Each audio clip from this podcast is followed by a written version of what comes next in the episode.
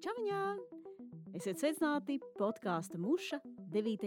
epizodē, kuru mēs nolēmām nosaukt par Shit Happens. Neveiksmes cilvēks mēdz vajāt dažādās vietās, gan mājās, gan darba vietās, visādas sliktas dzīves izvēles, neveiksmīgas draudzības. Dažreiz mēs vienkārši uzņemamies pārāk daudz pienākumu, jo mums liekas, ka darbojās noteikti tas princips, ka fake it till you make it. Un šajā epizodē mēs esam nolēmuši apvienot vairākus stāstus. Pirmo stāstu mums izstāstīja Katrīna Priede. Daudz no jums noteikti gaida savējo vai nu booster poti, vai nu tā būs Moderna vai Pfizer. Un ir jau gandrīz aizmirsuši par to, ka martā daudziem bija jāstāv rindās, un bija tāds, tāda panika un neliels, neliels, neliels bardaks kontekstā ar vakcināciju. Nu, lūk, un uh, Katrīna padalījās ar ļoti, ļoti drosmīgu stāstu par savu sliktāko darba dienu mūžā. Klausāmies Katrīnas Priedes stāstu Brīvdiena. Jā, uh, es biju jūtos tā, ka es visu priekšā šobrīd izģērbšos kaila, jo šo stāstu pa īstam nav dzirdējuši pat mani tuvākie un labākie draugi. Uh, Jo es laikam esmu. Um, nu, tas ir bijis tik traumatiski, ka uh, vienkārši es neesmu spējusi to pastāstīt pat viņiem. Tāpēc iz, izdomāju, ka ir ļoti laba doma pastāstīt šo svešiem cilvēkiem. Um, Jā, tā tad uh, nu, uh, mēs joprojām dzīvojam uh, Covid pandēmijā. Diezgan centrāls notikums. Mums jau gandrīz nu, jau būs divi gadi. Un Covid ir mūsu visu ikdienās ieviesis kaut kādas pārmaiņas. Un, uh, manā dzīvē Covid-19 pārmaiņas, tādas vislielākās, uh, ieviesa tieši šī gada sākumā. Un, uh, un tieši tādā aspektā, uh, ka sākās vakcinācija pret Covid-19. Uh, lai mazliet jūs saprastu to kontekstu, es jau sep gandrīz septiņus gadus ikdienā organizēju veselības aprūpi. Es strādāju vienā no lielākajiem, uh, privātās, lielākajām privātās ārstniecības iestādēm. Uh, Un, uh, tieši ar šī gada 1. janvārī um, es kāpu pa savām karjeras kāpnēm, un, uh, un tur viss saslēdzās tā, uh, ka uh, manā vadībā uh, nonāca Covid-19 uh, vakcinācijas projekts, uh, un, uh, kuru tieši organizēja tā kā, tā kā mana darba vieta un mans darba vietas uh, grupas uzņēmumu, kas kopskaitā bija četri. Un, uh, Un, tā bija tāda ļoti interesanta un zvērīga pieredze. Uh, šim stāstam ir nosaukums, bet es viņu neteikšu, tāpēc, ka tas uzreiz tā, tā tad atklās, ja, par ko būs šis stāsts. es jums pateikšu beigās, kāds ir šis stāsts noslēgums, nosaukums, ja jūs jau nebūsiet uh, sapratuši. Bet jā, tā tad uh, Covid-19 vakcinācija. Uh, liels uzņēmums, kas to, kas to organizē. Jo, nu, tā bija publiskā privātā partnerība. Ja, tā kā privātie pakalpojumu sniedzēji nodrošināja um, lielu daļu vakcināciju Latvijā, nodrošināja jopr joprojām. Uh, bet nu, jūs varat stādīties šo spriedzi uh, priekšā. Tā tad uh, četri uzņēmumi, uh, un mēs esam šajā valstiskajā situācijā, kur mēs dzīvojam pandēmijā jau uh, uz to brīdi mazliet vairāk kā gadu. Uh, Uh, mums ir nenormāls antivaks kustības sākušas kustēties, tūkstošiem cilvēku viņām pievienojās, racionālu, mazāk racionālu iemeslu, iemeslu vadīti. Mums ir šausmīgi zema uzticība valdībai, mums aiz muguras. Nē, tajā brīdī vēl bija šausmīgi karsts skandāls par nepasūtītajām vakcīnām. Kāpēc kavējās mūsu sabiedrības vakcinācija. Uh, bet, nu, neskatoties uz visām šīm te, uh, lietām, uh, nu, ir tā, ka mums visiem kopā uh, ar valsti saucamo. Ja, uh, ir uh, uz to brīdi mērķis, ka mums līdz rudenim ir jāsavakcinē 70% no Latvijas sabiedrības, lai mēs būtu kaut kādā čikčik maiņā uh, rudenī un lai mēs nebūtu šobrīd šajā septembrī, kurā mēs atrodamies. Ja? Nu, tā kā nu, jūs jau varat izsacināt. Uh, Uh, kā mums ar to gāja. bet, uh, bet, jā, bet tajā brīdī man bija tāds tā kā, nu, bāts. Te nu es esmu. Es esmu uz to brīdi sešus pilnus gadus organizējis veselības aprūpi, augusi savos kaut, kādos, uh, kaut kādās spējās un, un ambīcijās un tā. Un tagad man priekšā ir nolikt šis te uh, nacionāls līdzsvītra starptautiska līmeņa projekts, kurā man ir uh, savā ziņā piespiedu kārtā jābūt kā centrālajai personai organizējot šo lietu. Nu, afigēna, nu, ko lai saka, nu, nebūs droši vien dzīvē vēlreiz, nu, cerams, nebūs dzīvē vēlreiz tādas iespējas norganizēt šādu projektu. Līdz ar to nu, tā kā motivācija ir iespējams lielākā, kāda man jebkad ir bijusi.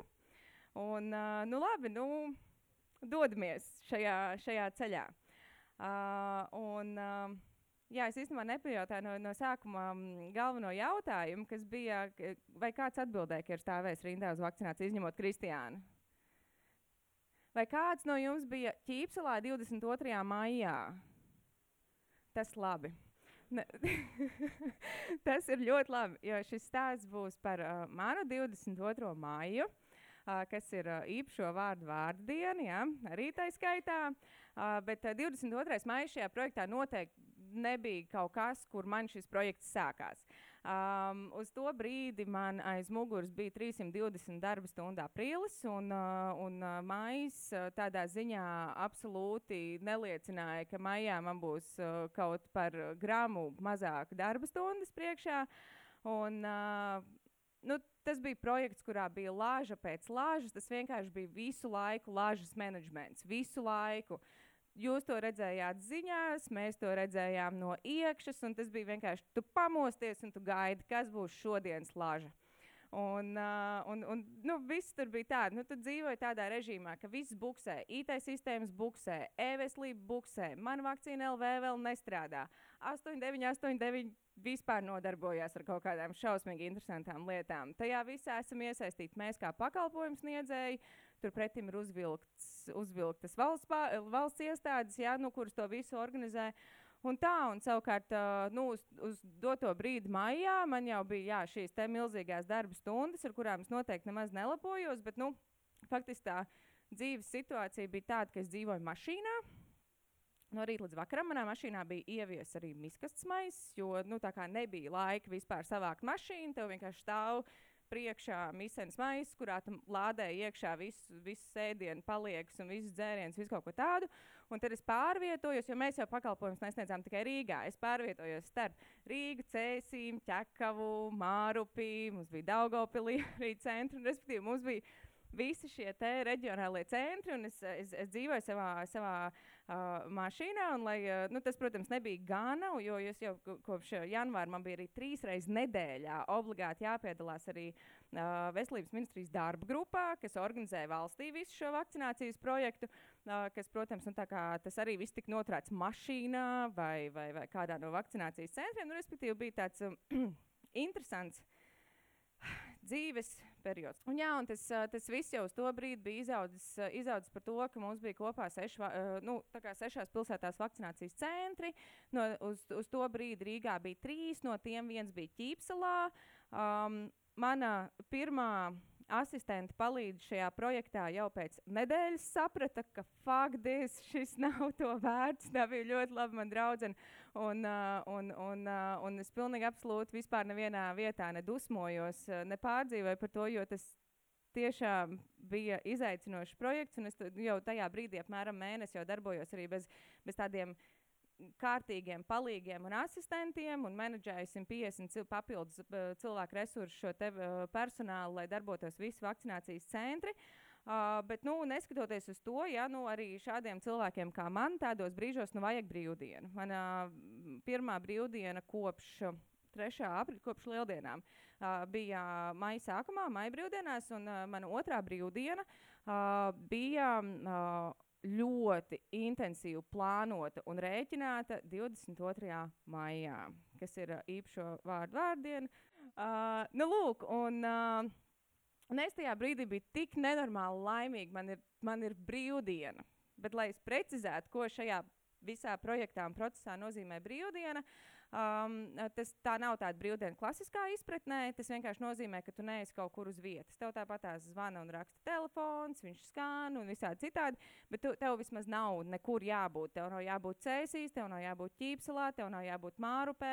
Un, un, uh, un tā, bet uh, to 22. māju es biju šausmīgi ilgi plānojis un rēķinājis. Tur bija viss sarēķināts līdz līdz minūtei, līdz vakcīnai. Tur bija sadalītas atbildības. Es pati iepriekšējā vakarā biju sagaidījusi vakcīnu piegādi, visu saskaitījusi, viss pietiks, viss būs rītīgi labi saskaitīts, kārtīts, saskaitīts šķirts, brigādes ir nodrošināts. Nu, tā kā visi aprēķini ir veikti. Uh, mana asistente, jaunā, kas tajā brīdī jau bija pirmās trīs dienas sākusi strādāt, viņa tā kā paņems tajā dienā to ķīpseli, nu, nokoordinēs un tā. Uh, Un, un, uh, un viss ir baigi labi. Es esmu šausmīgi excited. Mēs ar uh, mani dzīves biedru esam sarunājuši, ka mēs 21. maijā vakarā dosimies pie mūsu draugiem ciemos, lai sagaidītu Undijas vārdienu.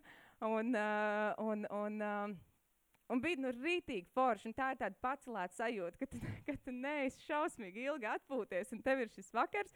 Un arī upeņu balzāms garšoja daudz labāk tajā vakarā nekā visus pārējos vakarus, un, un, un bija rītīgi forši.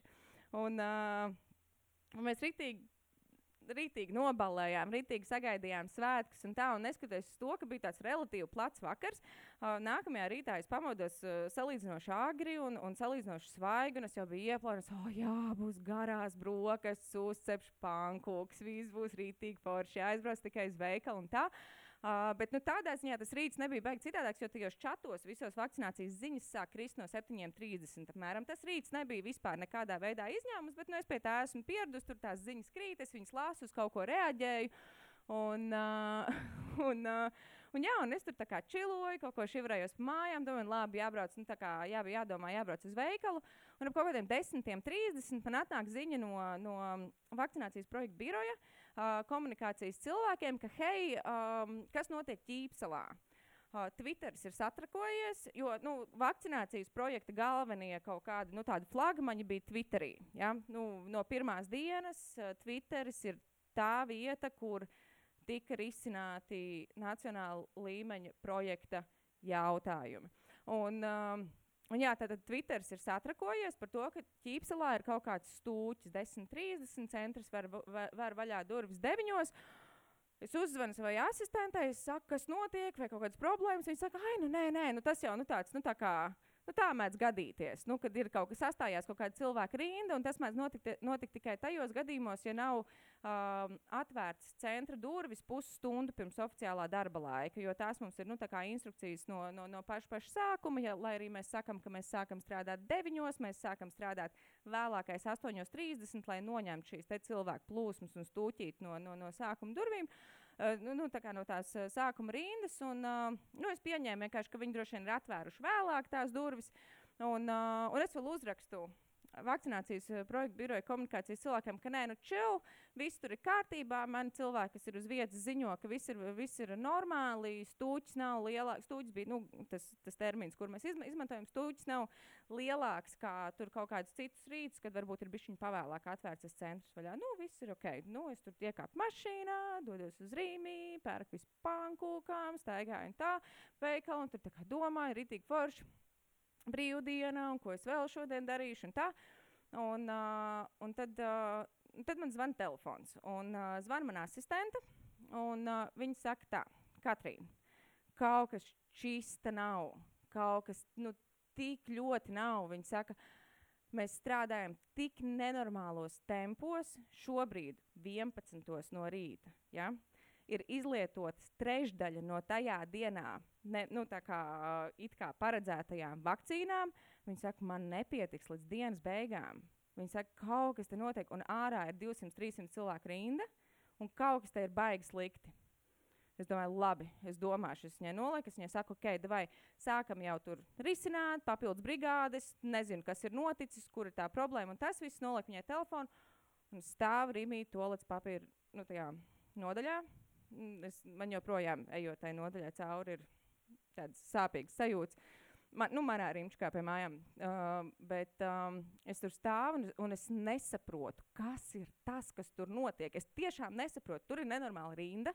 Es esmu visu izrēķinājis, visu izdomājis. Tur nevajadzētu būt, tur vajadzētu visam iet pa, di pa diedziņu. Tur, nu, tur vispār nav variantu. Un tajā brīdī man ienāca prātā doma, kas ir vieta, kur varētu būt šis kaut kas, kas, kas ir noticis. Un es, man rokā ir telefons, un es uh, varu vaļā mākonī savu plānošanas dokumentu, un tad es sapratu. Un tajā brīdī, kad es sapratu, man nokrita grozs tajā pašā tūlīt papīra nodaļā. Un es uh, skatos un skrolēju to savu darbu Excel un, un to apjomu dokumentu. Un, uh, un es saprotu, ka šajā dienā ir vienkārši neuzmanības dēļ ir uh, pilnīgi nepareizi aprēķināts kopējais vakcīnu daudzums, kas ir, kas ir jārealizē ķīpslā šajā dienā. Lai jūs saprastu to, cik ļoti pakaļā ir šī situācija, tad es jums nu, skaitļos vizualizēšu. Šajā dienā uh, pirmo devu bija plānots vakcinēt 500 cilvēkiem. Uh, otro devu, uh, nu, teiksim, te, tas plānotais daudzums bija uh, 416 cilvēki, nu, kuri pirms trim nedēļām saņēma pirmo devu. Uh, bet uh, skaitlis 416 bija nevis uh, skaitlis no trīs nedēļas atpakaļ, bet skaitlis no divas nedēļas atpakaļ. Un īstais skaitlis, kam vajadzēja būt šī plānošanas dokumentu rūtiņā uz otrajām devām, ir nevis 416, bet 1800. Un, un tātad uh, viss darbs ķīpselē šajā dienā ir sarganizēts um, 916 cilvēkiem, respektīvi tik daudz brigādes, kas var, nu, tā kā pilnīgi īzi, nu, jo 916 vakcīnas Jo iepriekšējā nedēļā mēs bijām uzstādījuši rekordu ķīpselā, par ko lepojās arī, arī ministrs. Tā bija ziņās raksts, ka ķīpselā ir, ir vakcinēts rekordliels skaits - 3950 cilvēku. Uz tā fona 914 ir nu, pīpējot, varētu izvakcinēt. Jā, vispār bez, bez saspringuma. Un, uh, un, un, un tajā brīdī jā, es saprotu, ka, ir, ka viss darbs ir plānots uz 914 cilvēkiem. Uh, bet uh, realitātē tajā, tajā dienā uh, tur uh, būs uz vietas uh, nu, tātad, uh, 2000, ja, cilvēki, daudz. Un lielākā no, daļa no viņiem ir, ir, ir otrās devas, un, protams, ka tajā brīdī es saprotu, ka ķīpselā nav ne tik daudz vakcīnas, ne tik daudz brigādes, ne tik daudz šķirces, ne tik daudz ne, medpreces tur bija, ne tik daudz kartītes līdzsniegt cilvēkiem. Nu, tur faktiski nu, viss, nu, man likās tajā brīdī, kad viss, kurā internetu veikalā es varu nopirkt savu zārku. Jā.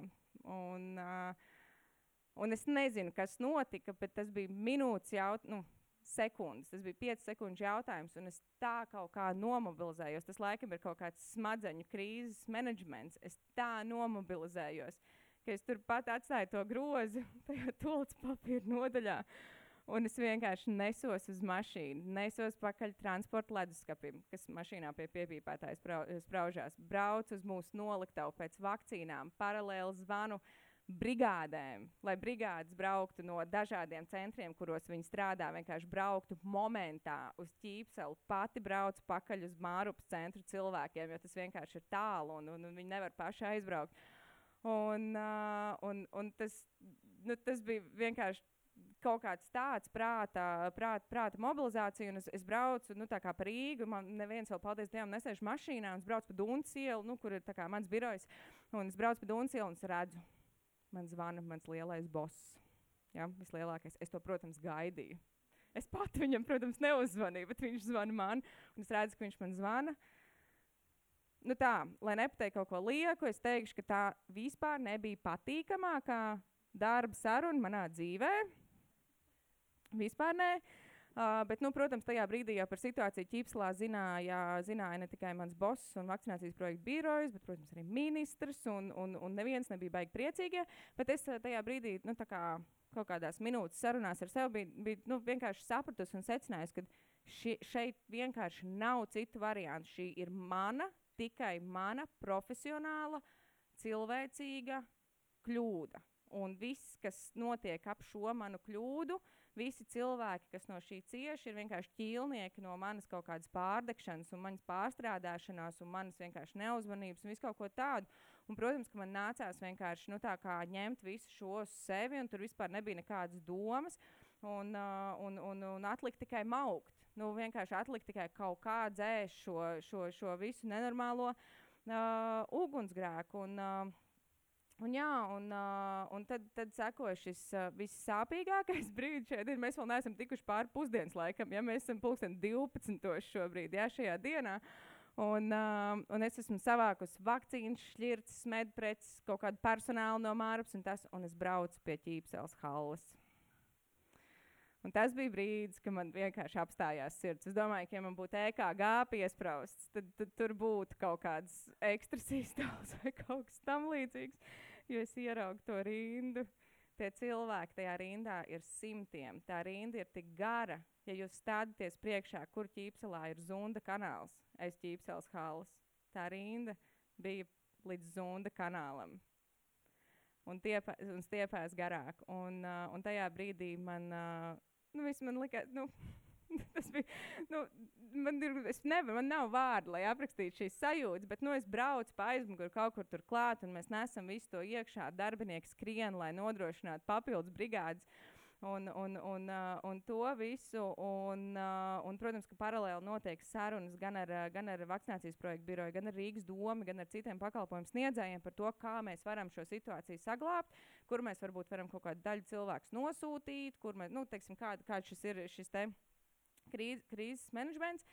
Un, uh, un, un, uh, Un uz to brīdi arī Rīgas domas pārstāvi un arī vakcinācijas projekta biroja pārstāvi jau bija ieradušies arī Ķīpseles hallē. Un, uh, un paldies Dievam, ka viņi tur bija, jo es nespēju iziet tajā rindā pie cilvēkiem. Es nespēju iziet tur ārā un pastīties šiem cilvēkiem acīs. Un, uh, un vispār viņiem kaut ko pateikt. Labākais, ko es no sevis varēju izspiest, ir atvainošanās Twitter ieraksts par situāciju Ķīpselā.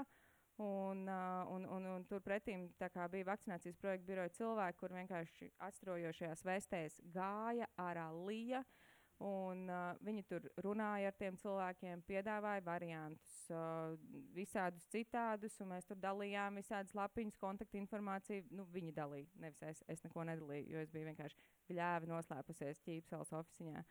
Un, uh, un, uh, un es noteikti nevarētu būt uh, pateicīgāk par, par šo cilvēku uh, uh, tur klātesamību. Un, uh, un tas bija tiešām, nu, kā, es nezinu, kādas ir jūsu sajūtas kopumā par vakcinācijas organizāciju šajā valstī, bet uh, man, pieņemsim, esot šajā projektā uz vietas no pirmās dienas, no šī gada janvāra. Man nevienā brīdī nav licies, uh, ka vakcinācijas projekta birojas būtu neprofesionāli vai, vai, vai, vai nevietā cilvēki. Ja, kā, nav, šis nav vienīgais iemesls, kāpēc tā ir. Tā kā tās ir kaut kādas pārspīlētas lietas. Uh, Un, uh, un, jā, un, uh, un tas viss tur notiek, un es esmu tajā, tajā ķīpslā, un tur tā nenormālā rinda, un tur tik nenormāli daudz ir tas viss apjoms un tas viss. Bet um, sāk iet laiks, un sāk, mēs, mēs ar vien vairāk tās brigādes tur arī likām, un pulkstenis četriem jau tā rinda jau bija norimusi. Un tas bija arī laiks, kad bija nu, tiešām pirmo reizi iespēja apsēsties un uz minūti vispār aptvert, kas ir noticis šajā dienā, no brīža līdz es esmu Rimčikā, līdz brīdim, kad es esmu šeit, Ķīpseles hallē.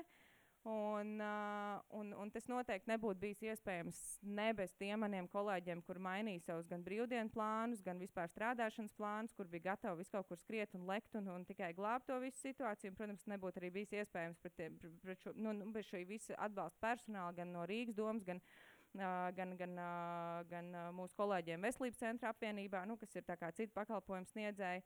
Un, un, protams, arī ne bez šiem cilvēkiem, kur tur stāvēja tās 3, 4, 5 stundas. Bija cilvēki, kas stāvēja rindā 5 stundas, lai dabūtu savu pirmo vai otro vakcīnas devu. Un, uh, un, jā, un uh, tā, lai vēl bišķiņu sabiezinātu, droši vien krāsa šim stāstam, es nezinu, kur vēl var biezāk, bet uh, šī nebija mana pirmā kļūda šajā projektā. Uh, Jo tas jau būtu ok, ja tas tā būtu bijis, bet tā nebija. Un, uh, un mēs sēžot, jau tā, tā rinda bija nokopusies, sēžot jau ķīpsels aizmugurē, tur, kur ir tās dienas, tad, nu, tās piebrauktuvas, tās aizmugurējās durvis. Uh, sēdējām ar, ar kolēģiem un, uh, un runājām un domājām un tā. Un uh, iepriekšējā reize, kad um, bija ķīpselā rindas nu, problēma, bija kaut kāds stūķis izveidojies. Tajā, tajā dienā vispār nebija tik traki, bet bija. Tas bija 1. maija. 1. maija un 22. maija. Starpā ir 21 diena. Tātad 1800 cilvēki, kas 22. maijā saņēma savu otro devu, stāvēja megarindā arī 1. maijā. Un, uh, kas, protams, man vienkārši patīk domāt, ka nu, tur ir arī sava tāda nu, labā ziņa, jo neapmierinātība ar vakcinācijas projektu aprobežojās vienos 1800 cilvēkos, nevis potenciāli 3600 cilvēkos. Bet uh, es arī savā stāstā biju ierakstījis, ka man ir jāpasaka podkāstā, ka šis ir joks, lai cilvēki nesapro, nu, nepārprot, kad, uh, nu, ka tā kā ka es priecātos, ja, uh, kad uh, 1800 cilvēki divreiz ir stāvējuši rīnā, tā nav. Uh, jo nu, tā kā cilvēkiem nav jācieš no manām pārdekšanām, manām profesionālajām kļūdām, vienalga, vai tie ir 1800 vai tie ir 3600 cilvēki. Un, uh, un, uh, jā, tā kā, tā kā noslēgumā es uh, droši vien pirmkārt un galvenokārt gribu pateikt paldies tiem 2300 cilvēkiem, kas tajā dienā tur bija un kas tur stāvēja, jo aizgāja prom ļoti maz cilvēku. Nu, ļoti, tiešām ļoti maz cilvēku. Un es pat ar viņiem visu dienu runāju, jo bija iedots vienkārši mūsu, nu, mans gan, gan privātais numurs, lai tur pārlikt laiks un visu kaut ko tādu. Es visu dienu ar tiem cilvēkiem runāju pa telefonu, pārliku un tā, visus tur tos laikus un uz cikiem viņiem braukt un tā. Un, un, un, Uh, nu, jā, es gribētu pateikt paldies tiem cilvēkiem, un es laiku pa laikam joprojām, pieņemsim, viens no mans, manām labākajām draudzenēm, māma stāvēja šajā rindā. Es to uzzināju tikai pēc tam, Un es viņu satiku savas draudzenes dzimšanas dienā jau kaut kādu, man liekas, tur trīs nedēļas pēc tam. Viņa saka, jā, es biju 22. maijā Ķīpselā. Viss, ko es varu, ir vienkārši cilvēcīgi atvainoties, un, un, un, uh, un tas arī viss. Un, uh, un, protams, nu, kā, tas, kā jau teicu, tas nebūtu iespējams bez, bez, bez maniem kolēģiem un, uh, un atbalsta personāla arī tā. Bet, um, lai arī caur kaut kādu smaidu un, uh, un kaut kādiem priekiem un jokiem. Uh, nu, īstenībā šis projekts nebija nekādi joki.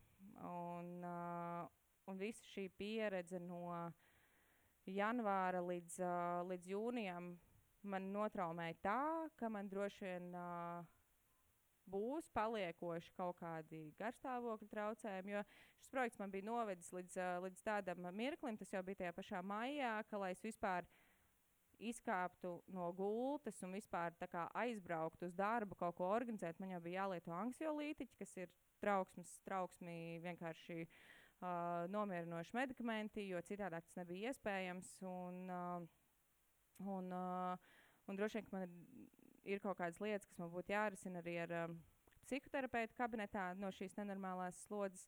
Bet, uh, jā, es aizgāju no šī projekta. Es savam darbdevējam pateicu, ka es um, ka es šo neesmu spējīga vairs vairāk darīt, un no tā cietīs gan kvalitāte, gan mūsu, mūsu teiksim, prestižs un vārds. Un es no šī projekta aizgāju 1. jūniju un aizgāju labu, bet, nu, protams, ar visu šo bagāžu. Un, un, un, protams, es, tā bija absolūti nenovērtējamākā un absolūti iespaidīgākā mana profesionālā pieredze, iespējams, uz visu dzīvi. Uh, bet uh, nu, pirmo reizi, laikam, kaut kas un kaut kāds projekts mani pielikt pie vietas. Un man draugi droši vien būs tie cilvēki, kur apliecinās to, ka man droši vien profesionālā ziņā nav baigi grūti pielikt pie vietas. Bet šis bija tas. Jā, un, uh, un, un, uh, un, un šis man pielika pie vietas, un līdz ar to es aizgāju no šī projekta. Tagad jau es varu pilnīgi droši pateikt arī to, ka 30, 30. septembrī aizgāju arī no darba vispār. Uh, un, uh, un, un, un, jā, tā kā, tā kā savu, savu emocionālā veselība un, un, un savu nervi un, un, un savus prieks un savu laimi tomēr ir tomēr, uh, būtiskāki, lai arī kādu naudu mums maksātu, lai arī kādu profesionālu izaicinājumi mums būtu. Uh, mums ir uh, jārūpējās par sevi. Katram tas atnāk agrāk vai vēlāk, man tas atnāca vēlāk, uh, bet, uh, bet rēcīgi ir tas, ka uh, Rīgas mērs Mārtiņš Staķis man rītdien ir uzaicinājis uz banketu, lai pateiktu paldies tostarp par šo Rīgas pieredzi vakcinācijā. jā, tā, kā, tā, kā, tā ir tāda zelta maliņa, bet uh, jā, um, sargāt sevi un uh, ir forši visādi profesionāli piedzīvojumi, bet um, too much is too much. Paldies! Es ļoti ceru, ka Katrīnai, kura patiešām um, aizgāja no uh, privātās mm, klīnikas prom un uh, tagad ir sākusi strādāt kā ģimenes ārsta rezidente, viss būs kārtībā un šī būs patiešām bijusi pati, pati, pati sliktākā darba diena viņas dzīvē, un tagad viss būs tikai labāk. Un mums ir vēl viens stāsts. Dažreiz, kad skaties televizoru, tāds sajūta, ka ātrie kredīti ir pilnīgi visiem. Katra otrā vai trešā reklāma televīzijā ir ātrā kredītu reklāma.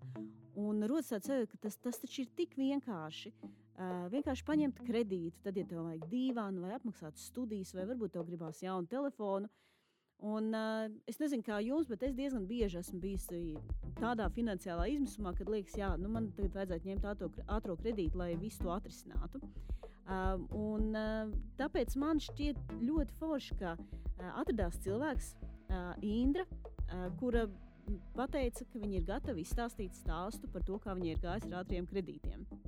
Un tā ir arī tā mūsu cerība, ka tas, tas būs pamācošs stāsts par to, kā tikt ārā no ātriem kredītiem, tad, ja tu nejauši viņus esi paņēmis. Un vispār, kāds notiek, kad cilvēks nonāk ātrā kredītu valgā? Klausāmies Indras Petersons stāstu pavisam drīz atdošu. Es šo esmu nosaukusi par Indras, nu, netik ātro stāstu par ātriem kredītiem.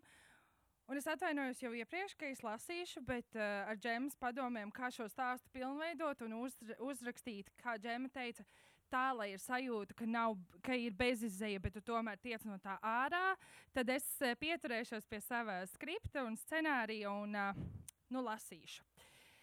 Uh, jā, nu, iesākumā pateikšu gan, ka man ļoti, ļoti nepatīk runāt par naudu, un tieši tāpēc es to šodien darīšu. Jo mums ir jārunā par to, kas nav ērti un kas neliekas patīkami, un es izdarīšu jums visiem pakalpojumu. Šodien par naudu runāšu es, jūs tikai paklausieties, un nu, cerams, ka arī kaut ko pamācīsieties. Uh, jā. Tātad, lai nedaudz ilustrētu par tu, uh, to, kā es nonācu pie tā, par ko es vēl pastāstīšu nedaudz vēlāk, es gribu pastāstīt par to, no kādas ģimenes es nāku. Nu, diezgan standarta ģimene, viena mamma audzina trīs bērnus, no kuriem es patrāpījos jaunākā. Brālis ir par mani desmit gadu vecāks, māsa 15, bet tas arī varbūt nav tik svarīgi. Interesantāk taču ir parunāt par naudu, par ko es solīju, ka es šodien runāšu.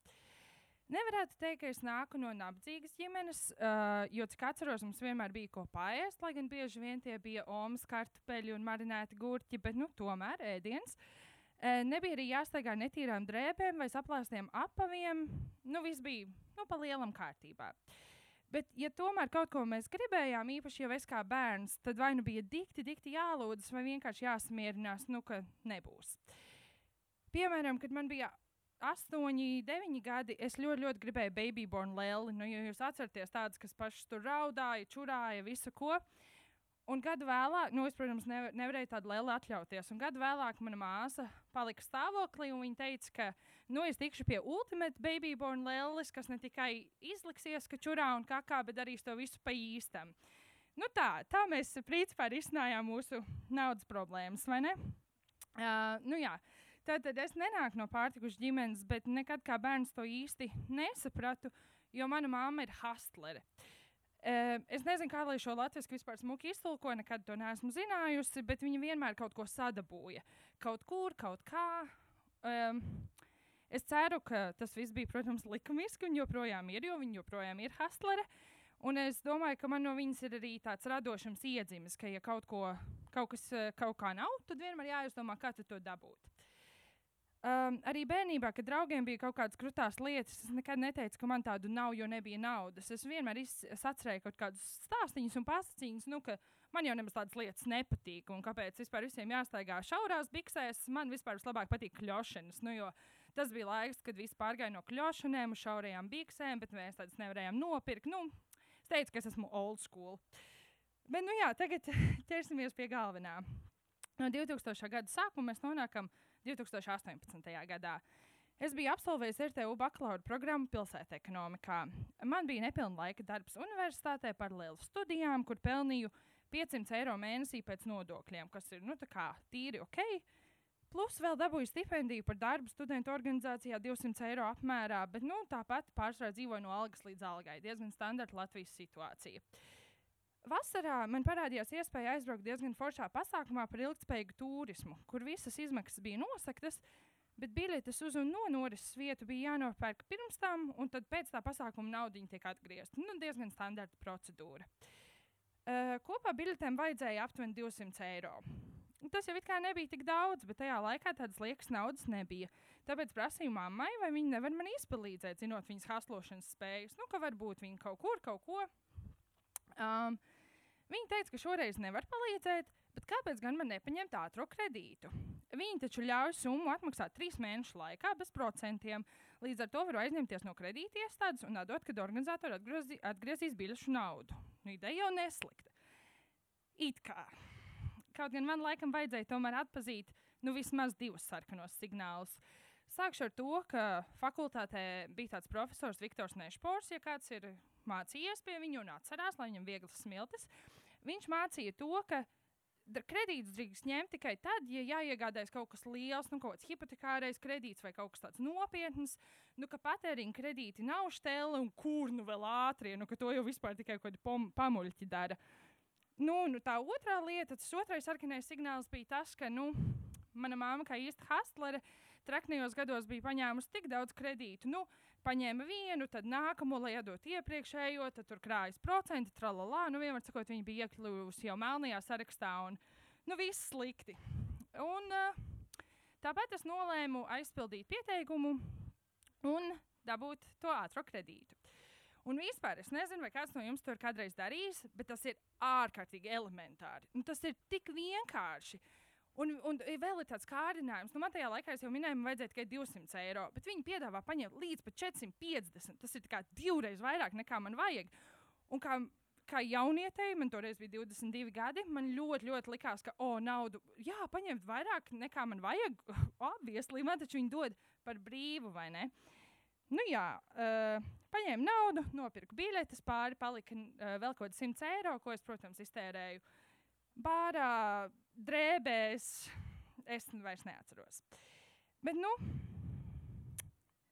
jā, pirms es stāstu, kā šis viss atrisinājās, es pastāstīšu vēl par divām reizēm, kuras pieļāvu šo pašu kļūdu. Tā paša 2018. gada oktobrī es ļoti daudz ceļoju. Es biju Īslandē, Zviedrijā, Vācijā un Ukrajinā. Protams, strādāju joprojām savu mazaldzīgo darbu, līdz ar to tā pa īstam šos ceļojumus atļauties nevarēju. Bet visas iespējas bija puslīdz atmaks atmaksātas, hashtag studentu organizāciju privilēģijas. Savu naudu vajadzēja tikai ekstra tēriņiem, tas ir ballītēm, kaut kādam shoppingam.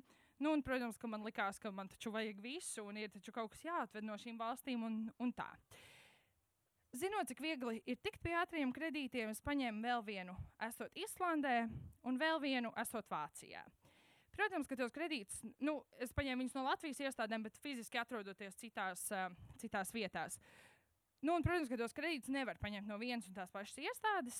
Ar pirmajiem diviem man problēma nebija, jo tos uzņēmumus varēja redzēt uz katra stūra. Ar trešo nācās būt radošākai, bet arī tur es sahastloju risinājumu kredīta paņemšanai, nevis atdošanai. À, nu jā, Un vēl kaut kad pirms visiem šiem kredītiem man banka piedāvāja dabūt kredītkarti, ko es, protams, izmantoju, jo likās, ka tas taču ir tikai pieaugušajiem tāds kredītkartes, un es gribēju sajusties ļoti pieauguša. Un, uh, nu jā, tur laika gaitā bija arī iztērēts 700 eiro kredītlimits. Nu, un, lai savilktu visu kopā un parādītu skaitļus, varu teikt, ka 2018. gada novembrī biju parādā 1500 eiro četrām dažādām kredītiestādēm. Šeit vērts pieminēt, ka tā gan bija aizdevuma kopsumma, ne jau atmaksas summa. Un kopumā reāla atmaksas summa, kas jau tika pieprasīta no parādu piedzinējiem, bija nu, virs 2000 eiro. Pa vidu bija veikti vēl visādi mazie maksājumi, atmaksas termiņu pagarināšanas, aptuveni 1000 eiro apmērā. Nu, tātad, ja vēl atceraties, pirmo kredītu es paņēmu, lai nopirktu biļetes. Kad pēc pasākuma atgriezu biļešu naudu, es sapratu, ka man tomēr nepietiek naudas, lai atdotu kredītu, jo es taču biju paņēmusi nedaudz virs nepieciešamās summas. Gudrā lieta būtu bijusi naudu nolikt malā, piekrāt atlikušo un summu atdot. Bet šķiet, ka jau tagad būsiet sapratuši, ka prātīgi lēmumi nebija mana stiprā puse. Protams, ka atgriezt to naudu iztērēju, kredītu neatdevu, bet tas arī nelikās nekas traks, jo neviens jau man nezvanīja un neko neteica. Un tā jau viņi dara. Iedod šo falšo drošības sajūtu, ka kaut kā es izprucis sveikā cauri, bet nedomāju, ka kādam tas legāli ir izdevies. Nākamos divus aizdevumus paņēmu paņēm tēriņiem, līdz ar to liekas naudas, lai tos atdotu, arī nebija. Nu, labi. Tā nav gluži patiesība, jo es pat tiku pie stipendijas, kur varēju vienu no aizdevumiem atmaksāt pilnā summā, bet tā nebija prioritāte, jo, kā jau teicu, neviens man nezvanīja un mani neviens netramdīja. Uh, bija viena kredītiestāde, kas sūtīja ēpastus. Vispirms ēpasts ar uh, topiku tuvojas rēķina apmaksas datums. Tad atgādinājums par rēķina apmaksu. Pēc tam jums steidzami jānokārto parāda saistības pret mums. Un šī pēdējā vēstule vienmēr bija nedaudz biedējoša, jo tajā bija rakstīts šādi. Informējam, ka jūs kavējat rēķina apmaksu jau četras dienas. Šobrīd jūsu rēķina kopsumma ir 378,90 eiro. Rīt ir pēdējā diena, kad netiek aprēķināti nokavējuma procenti. Sākot ar sesto kavējumu dienu, tiks aprēķināti nokavējuma procenti par visām kavētajām dienām. Ja jums nav iespējas apmaksāt šo rēķinu pilnā apmērā, pagariniet atmaksas termiņu par 30 dienām, pārskaitot mums pagarināšanas maksu 22,50 22 eiro apmērā. Nu, Es domāju, ka jūs jau tagad saprotat, kuru no šīm opcijām es izvēlējos. To, kas šķita visvieglākais risinājums, pagarināt atmaksu. Nu, kādu gadu es maksāju šos 22,50 eiro mēnesī, lai šo visu murgu vēl vilktu garumā, nemaz nezinot, vai es vispār to kādreiz atrisināšu. 2019. gada augustā es pārcēlos uz Dāniju, lai uzsāktu studijas maģistrantūrā. Biju iekrājusi naudu, par kuru it kā varēju atdot parādus, bet tajā brīdī bija svarīgāk naudu ieguldīt savas dzīves uzsākšanā Dānijā. Pēc kāda laika uz manu Latvijas adresi sāka nākt vēstules no parādu piedzinējiem, jo svešiem Latvijas numuriem es necēlu, neizgāju uz komunikāciju ar kredītiestādēm, lai vienotos par kaut kādu atmaksu. Ja pietiekami ilgi problēmas ignorētās, taču izgaist, vai ne? Un, uh, nu jā, mana māma Protams, vēra vēstules vaļā, jo tas vēl gāja uz mūsu kopīgo adresi, bet es viņai teicu, lai viņi nesatraucās, ka es kaut ko izdomāšu, nu, ka viss jau ir procesā un tā. Un vienā no vēstulēm bija rakstīts šādi. Parāds uz 2. martu ir 452,85 eiro. Pamatparāds 300 eiro, procenti par naudas lietošanu 6,30, pielīgtie kavējuma procenti 139,55, parāda atgūšanas izdevumi 7 eiro. Prasījuma pamats 2018. gada aizdevuma līgums numurs bla bla bla. Diemžēl, ja parāds netiks apmaksāts, fizisko personu parādu vēstures datu bāzē tiks iekļauta informācija par jūsu parādu, kas var liekt jums iespēju uzņemties jaunas saistības, vai jums var tikt piešķirti nelabvēlīgāki sadarbības nosacījumi. Um, nu jā, es arī nesapratu, kas ir tie parādi par naudas lietošanu un atgūšanas izdevumu, bet nu, es tajā, protams, neiedziļinājos. Un bija arī dulākas vēstules. Tādas nu, emocionālas.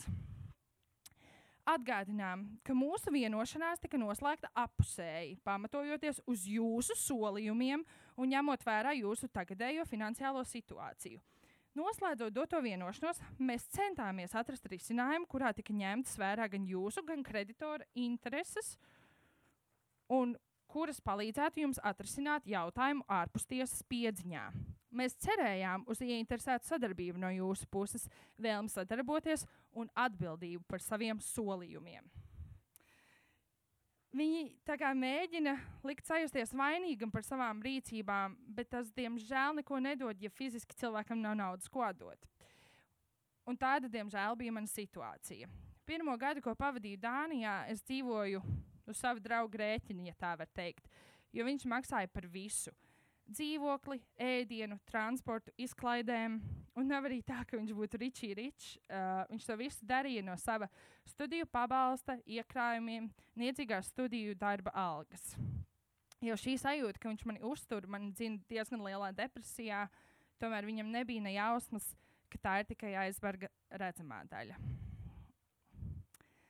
Tie, kas ir redzējuši tādu seriālu How I Met Your Mother, varbūt atminas sēriju, kur Lilija parāda Robinai pilnu kurpju kasti ar visādām kredītkartēm un atzīstas, ka viņai ir milzu parādi, kādēļ viņiem ar Māršalu tiks piemērot ļoti augsta procenta kredīta mājokļu iegādēji.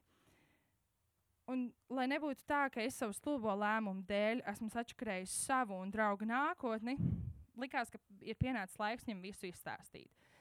Tas notika 2020. gada martā, pusotru gadu pēc ātrā kredītu paņemšanas. Protams, ar pirmo reizi tas izdevās daļēji. Iestāstīju viņam par vienu kredītu, ko viņš uzreiz piedāvāja atmaksāt manā vietā tajā pašā dienā. Nespēju tam noticēt un negribēju naudu no viņa ņemt, bet tomēr tā bija tāda bezizējas situācija, un mēs atmaksājām vienu kredītu, kas no 300 eiro bija izaudzis līdz 412. Ar tiem diviem citiem ātriem kredītiem bija vienosies par daļēju atmaksu. Katru mēnesi atmaksāt par 50 eiro. Bet man nebija pašai savu ienākumu. Atrast studentu darbu Dānijā bez valodas zināšanām nav tik viegli, kā arī Latvija pārstāja maksāt bezdarbnieka pabalstu, jo nevarēja ierasties klātienē uz konsultācijām. Nācās vien man atkal sēdināt draugu pie galda divus mēnešus vēlāk un stāstīt viņam par pārējām lietām. Man reāli, nu, man patiešām likās, ka es esmu viņu pievīlusi, jo pirmajā reizē viņš bija ļoti saprotošs un izpalīdzīgs, bet šoreiz viņš palika nedaudz dusmīgs. Bet vispār mans draugs nepaliek dusmīgs, viņš paliek kluss un domīgs, un tas ir vēl trakāk. Mēs vienojāmies, ka mēs turpināsim veikt daļējos maksājumus, bet ka man tā nauda būs jāatstrādā. Un ne seksuālā vai kādā citā nepārāk patīkamā veidā, bet meklējot haltūras, piestrādājot un atdodot naudu, kad es varēšu. Kredītkartes parādus neslēpu, bet tas nebija steidzami jāatmaksā par brīnumu. Līdz ar to tas pagaidīja, ka tiku pati pie sava darba un studiju pabalsta, un to es atmaksāju pati. 2020. gada novembrī es veicu pēdējo maksājumu, un lepni varēju teikt, ka beidzot esmu tikusi vaļā no visām kredītsaistībām. Protams, milzīgs nopelns šajā visā ir manam draugam, kurš palīdzēja finansiāli, morāli un visos iespējamos veidos. Un arī man, manai mammai, kuras tough love un ziņkāra par manu vēstuļu saturu, lika man šo visu kaut kā atrisināt un vispār šo jautājumu vērt vaļā. Šobrīd es tiešām ļoti, ļoti, ļoti daudz strādāju pie tā, lai nekad, nekad vairs nenonāktu tādā situācijā. Es mācos par apzinātu naudas tērēšanu, sekoju finanšu pratības padomiem, plānoju budžetu, un tas ir patiešām forši. Nu, man kā ekon, pa, cilvēkam, kas ir absolvējis ekonomikas fakultāti, to vajadzēja saprast jau nu, pirms trīs gadiem, kad es to absolvēju. Um, bet, nu, piemēram, Džēma arī man lūdza padalīties ar kaut kādiem padomiem, tāpēc tagad es uh, esmu ļoti gudra un dalīšos ar padomiem. Nu, piemēram, viena no lietām, ko esmu iemācījusies, ir veidot drošības spilvenu un samaksāt sev pirmajai, kas nozīmē, ka saņemot algu vai jebkuru citu lielāku maksājumu, no sākuma es pārskaitu noteiktu summu iekrājumiem, samaksāju visus maksājumus un tad dzīvoju ar to naudu, kas paliek pāri. Nevis otrādi, kā esmu to darījusi kādreiz ar domu, nu, ja kaut kas mēneša beigās atliks, tad to, protams, ielikšu uzkrājumā. Plīz, tas nekad dzīvē nenotiek. Nu, un arī tagad es esmu atvaļinājumā Latvijā, kuram es patiešām iekrāju naudu, es atliku Latvijai, lai es varētu nokārtot tiesības, kuras jūs redzat, kā es ļoti apzinīgi šobrīd kārtoju. un, nu, jā, lai es varu brīvi, uh, justies brīvi un nedomāt par finansēm katru dienu. Nu, tāpat jau es to vispār daru. Un zemapziņā es kaut kur visu laiku jūtos nedaudz vainīgi, ja pārtērēju dienas limitu. Bet nu, tas jau ir nākamais līmenis, ar kuru man ir jāstrādā. Uh, ir jāatrod līdzsvars starp pārdomāt naudas tērēšanu un bailēm no pārtērēšanās. Bet, nu, kā jau es ar to tikšu kā, kaut kad drīz galā. Un, uh, nu, jā, kopumā es ceru, ka šis stāsts jums, ir, jums būs noderīgs. Uh, bet varbūt nu, tā otrādi, ka lūdzu uzturiet šo pamācību tajā, kā nedarīt. Un, ja jūs esat tie gudrie un prātīgie draugi un ģimenes locekļi, kas saprot naudas un finanšu pratības lietas, lūdzu izglītojiet citus un palīdziet viņiem, kā vien jūs varat.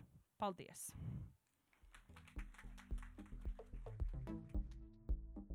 tiem cilvēkiem, kuriem varbūt ir paņemts kāds kredītiņš un kuram gribas ignorēt, ka varbūt kādas vēstules ar draudiem ir atnākušas, ļaus saņemties un tomēr to kredītu atdot.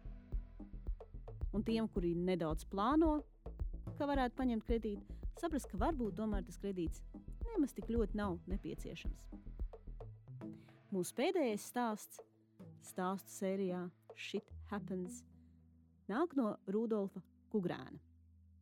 Es uzrunāju Rudolfu tādēļ, ka viņš ir brīnišķīgs, jautrs, ļoti, ļoti enerģisks komiķis. Un nešaubījos, ka viņam noteikti ir jābūt azotē kādam stāstam, ko viņš iepriekš nav izstāstījis.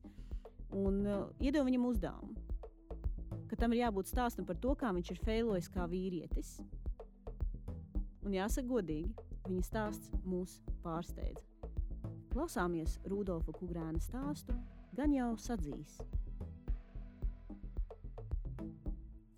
Labvakar.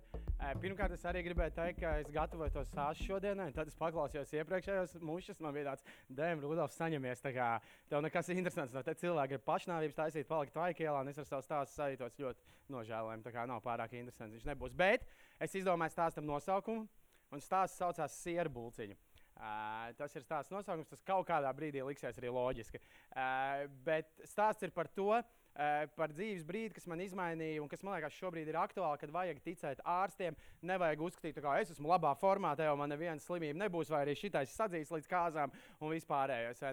Uh, un tā, ticēt vai nē, stāstā ir iesaistīts basketbols, uh, jo es spēlēju basketbolu. Un es gribēju pateikt, kā bija. Nu, es sāku šī ievērta, kā tas basketbols stāsts man bija.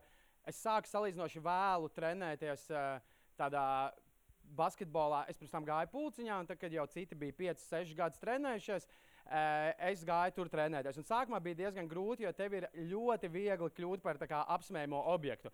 Jo tu nezini ļoti daudz lietas, tu spēlē mazliet sliktāk par viņiem. Un, lai saprastu, kā ar basketbolā, kā, ja tu spēlē sliktāk, tev ir trāki. Piemēram, mūsu komandā bija arī tā, ka viens čalis, lai gan beigās izrādījās, ka viņš ir visgudrākais no mums visiem. Viņš pabeidza augstskolu un vispārējo, bet viņš spēlēja slikti basketbolu. Viņam, piemēram, vienmēr ģērbtuvēs bija paši, pati, pati pēdējā vieta, un viņš tika pavadīts ar spērieniem ārā no ģērbtuves. Tā bija tāda komandas tradīcija tradīcija. Uh, tas nav labi, vai ne? Un e, es uzreiz, es pašā sākumā jau uh, gandrīz nokļuvu pie apsmējumiem cilvēkiem, tāpēc, ka tik, tikko es sāku trenēties, bija dispansers. Mēs zinām, kas ir sporta dispansers, vai ne? Un tur ir jānes, starp citu, kas tagad ir aktuāli. Tagad bērni kā, man ir jāspļauj kaut kur, vai ne? Mums bija jāčerā un jākakā kastītēs. Un uh, mums bija jā, jānes urīna analīzes, vai ne? Un es jau tad biju tādā vecumā, kad es neprasīšu vecākiem, kā, hei, cik daudz čūras man jānes, ne? Un es nevaru gluži arī prasīt komandas, cik daudz tu čurās šodien. Tā kā es gāju, tā kā es domāju, nu kā vajadzētu būt. Un uh, viss izrādās, nevajag baigt daudz tās čūras. Un visi komandas biedri jau bija bijuši dispenserā. Viņi paņēma tādu mazu tādu kārbiņu un tur iečurāja bišķīt, jo tur ieliek kociņu. Es paņēmu spilvas kečupu burku. Un es tajā rīktīgi pačurāju viņā. Un es jau tur iegāju, un tā kā visi redzēja, es biju ar to savu tēmu, ārkārtīgi maisu. Viņi visi tur bija kukurāni, kas tev tur ir tāds - man analīzes. Tā kā, un viņi tā, ok, tā nevajadzēja darīt. Un es arī atceros, es tā kā iedevu viņai, un man tā ārsts prasīja, ko tu gribi, lai mēs darām ar to visu. Tā kā, jo tur tiešām kā kociņi ielika. Un, uh, nu jā, bet. Uh, tuvojamies sierbulciņai. Uh, un tad es uh, sapratu, ka jā, man vajadzēja kaut kā, kā, es nevarēju uzreiz sākt labi spēlēt basketbolu, tur mācīt iemest punktus. Un tā tika tur tajā pirmajā komandā, tā tika pie krūtiem džekiem. Bet, paldies Dievam, tajā laikā jau bija tāda lieta, kā YouTube tikko parādījies. Un es atklāju tādu basketbolu Denis Rodmanu. Kāds zina Denis Rodmanu? Jā, Denis Rovens īsti nemācīja mest bumbu grozā, vai ne? Bet viņš tāpatās bija NBA. Tad es sāku darīt viņa lietas. Es sāku vienkārši nereāli kāpāties, uh, tur cīnīties par bumbām, spēlēt aizsardzībā. Tas, kas nemācīja iemest, un es tā, tā kā tiku līdz, nu, kā līdz pirmā komandai. Es nebiju tas, kurš spēr ārā. Es jau zināju, kā ir jāapšķirā pareizi. Nākamreiz apsmēju to, kas nezināja. Un viss bija baigi forši. Un, uh, Bet tas man arī tā visa tā rodmena lieta, man tur vajadzēja būt arī laukumā tādam tā netīram čalim, un tur kaut ko tur iespērt, iegrūstīt, tad es kļuvu par tādu baigu mačo čali, ja man bija kaut kāds zilums, tad pofīgi, viņš taču tur sadzīs, vai arī tas nereāli stilīgi ir, un nu, tas vispārējais, vai ne? Pirmā mana izgāšanās ar to, kas bija baigais kā, vīrišķīgais, domāju, 15 gados es esmu vīrišķīgs. Es paskatījos bildes, es nebiju vīrišķīgs. Es, nu, tā kā vispār nē. Un pēc tam mēs jau pirmo reizi izgāzāmies prēļos nometnē, mēs uh, iepazināmies ar vietējām meitenēm. Un pēc tam mūsu vietējā gaidīja, mēs netikām apakaļ uz kojām, piemēram. Uh, tad bija arī tas, tas krūtais brīdis, kad bija jāzvan trenerim. Tā kā treneris atnāks mums pakaļ uz zāli, kāpēc mēs iepazināmies ar meitenēm. nu, un treneris ko, ko man tagad darīt? Mums grib piekaut par to. Un tad mums kā bērniem vajadzēja iet, treneris nesitiet viņus, nesitiet viņus, nesitiet, aizgājām. Uh, bet jā, man vajadzēja būt tādam, uh, nu jā, un tad es darīju to agresīvu lietu, es tur visus pretiniekus mēģināju. Man arī treneris jau sāka darīt uzdevumus, kā, o, tu sēdz pretinieku līderi, vai uzvelc viņu, lai viņš uzvelkās, un tad kā, viņš sliktāk spēlēs. Un es to uzdevumu visu darīju, viss bija baigi forši. Līdz brīdim, kad kaut kādās komandās atradās čaļi, kas arī ir pilnīgi debīli. O, kuriem nepatīk, kad viņi skaitina. Un mana liktenīgā komanda bija uh, Kandava uh, Kandava. Tur tā stulbā lieta bija, ka tas čalis uh, bija kaut kāds divus metrus garš. Jau tajos piecos, tad jau man bija 16 gadi. Jā, viņš bija uh, divus metrus garš. Mums ir spēle pret Kandavu. Es esmu Rīgā viens. Man regulāri bija tā, ka vecāki aizbrauc uz laukiem sestdienā, svētdienā. Es palieku, jo man ir spēle. Un tad bieži arī es taisīju mājās ballītes.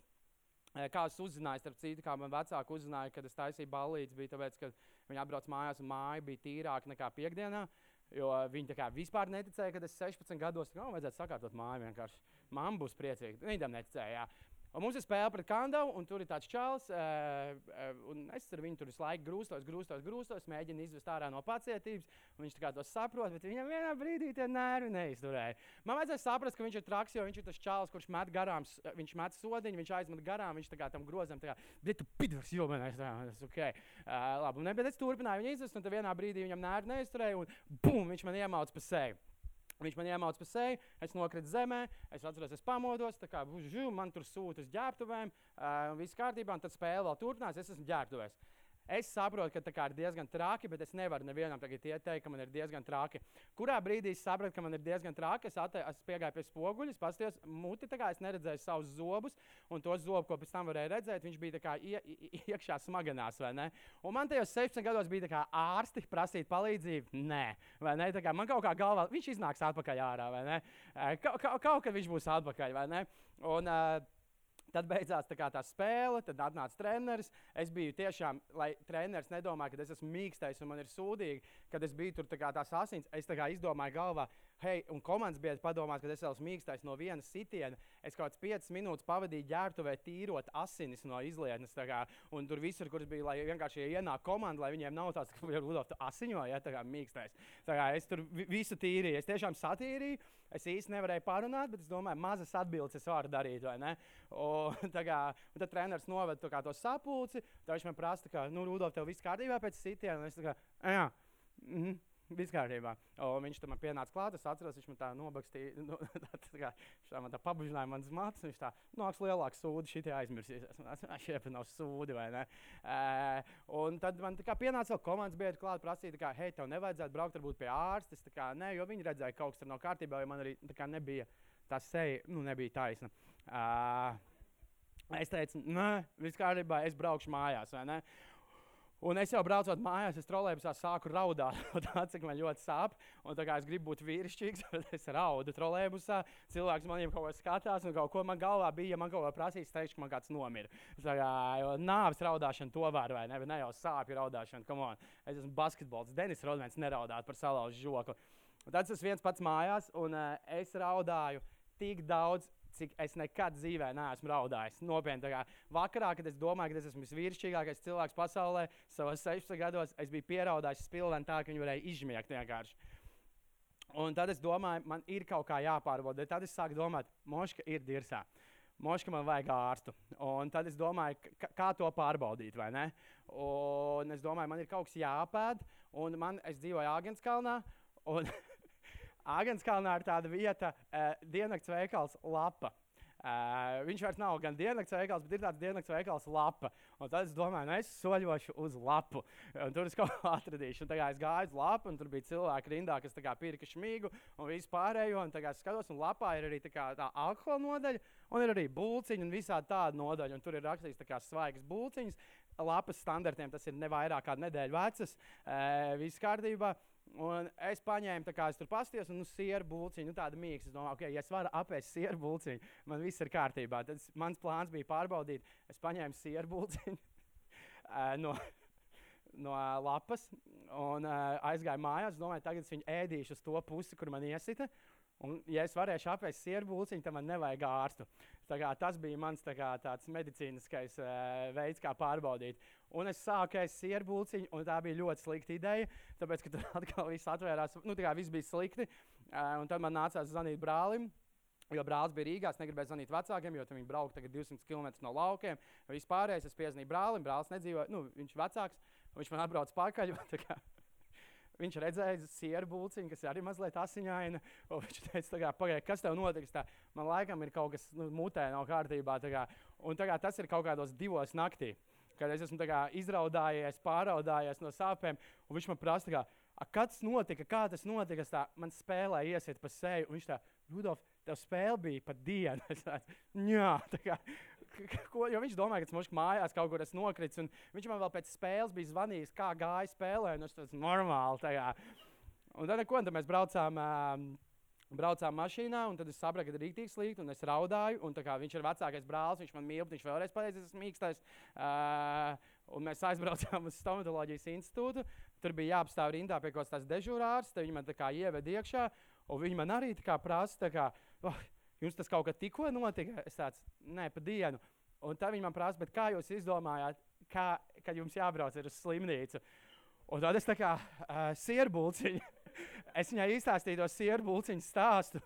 Un tā kā es no neviena nekad dzīvē neesmu saņēmis vairāk to skatienu, kur tādā vienā skatienā, tu esi debils vienkārši. Tajā, tur viss bija tajā sekundes skatienā. Un tad es sapratu, ka nav labi, un es atrodos, un tad viņa man tā kā pārbauda, visu tur pārbauda. Un tad viņa saka, man, nu labi, tad tev būs 206. palāta un rītdiena operācija. Un es sāku vēlreiz raudāt. Un tad gan es teicu, ka es, kā, man bija bail no operācijas. Man nekad dzīvē nebija. Un, ja tajā brīdī, kad man sāpēja, bet es nezināju, ka būs operācija, ja man prasītu, kāpēc es raudu, es teiktu, ka man kāds ir nomiris. Bet tad, kad es domāju, vēl apkaunojošāk ir raudāt no tā, ka tev būs operācija, un es biju izdomājis, ja viņi man tagad prasīs, kāpēc es raudu, es teikšu, jo man sāp. Nevis man ir bail no operācijas. Uh, jā, un tad es tā ļoti daudz noraudājos. Uh, man uztaisīja operāciju, un kopš tā laika, bet tas, kāpēc man ir, kā, ja mēs runājam par kaut ko, kas ir izmainījis dzīvē, kopš tā laika es rīktīgi kā, es, nu, pārbaudos pie ārstiem visu laiku. Es reizes gadā izdaru visu, kā, visas pārbaudas. Ja man kaut kas mazliet iesāpās, es zvanu fizioterapeitam, mums vajadzētu divus mēnešus. Tā, kā, tā kopumā bija laba lieta. Varbūt es tagad esmu mīkstais, močs Denis Rodmans ar mani nesveicinātos. Uh, bet uh, es vismaz neraudu viens pats spilvenā un nedomāju melus, no kā es raudu. Un, uh, jā, un pēdējā tā kā, tāda komēdija pār šajā lietā. Uh, es arī, jo to esmu stāstījis arī stand-upā, tas bija patiesa stāsts. Uh, šī ir arī šis gadījums, bija gadījums, kad es pirmo un vienīgo reizi dzīvē savu māmu nosaucu sliktā vārdā. Jo man bija narkoze, un mamma atnāca pārāk ātri mani apciemot, un tā bija ziema. Un, uh, es biju tikko pamodies, viņa man iedeva jāciņu. Un tad es mēģināju aiztaisīt to jāciņu, tagad pēc narkotikas, un manā mamma prasīja, Rudolf, tev nevajag palīdzību. Es teicu, tu daunais. Es nemācīšu jāciņu aiztaisīt. Un es nemācēju, un mamma man palīdzēja. tā kā, jā, bet es to pats neatcerējos, to man izstāstīja mamma. Bet jā, tā kā man, ejiet pie ārstiem, ja jums kaut kas ir. Un kas man liekas šobrīd ir ļoti aktuāli, tas arī viss mans stāsts. Paldies! Liels jums paldies, ka bijāt kopā ar mums Mušas 9. epizodē. Mēs nespējam noticēt, ka nākamā epizode būs jau desmitā. Paldies jums visiem par vēstulēm, ko jūs mums rakstat, par to, ka jūs laikojat un šērojat podkāstu mušu, par to, ka esat visu šo laiku bijuši ar mums kopā. Un ļoti, ļoti ceru, ka pavisam drīz pavasarī, kad muša modīsies, jūs nāksiet uz mūsu pasākumiem. Atcerieties! Laikošana un šērošana ir ļoti svarīga. Neaizmirstiet par to. Nosūtiet varbūt savai mammai vai kādai draudzenei šo epizodi. Sūtiet mums savus stāstus, un tagad pats galvenais bučiņas no manis, Džēmas Sudrabs un pārējām podkāstu organizētājām - Montes Kaivas, Agates Mežules, Alises Kraujas, Mārtas Hercas un Kerijas Brokas. Tiekamies bučiņās! bučiņās!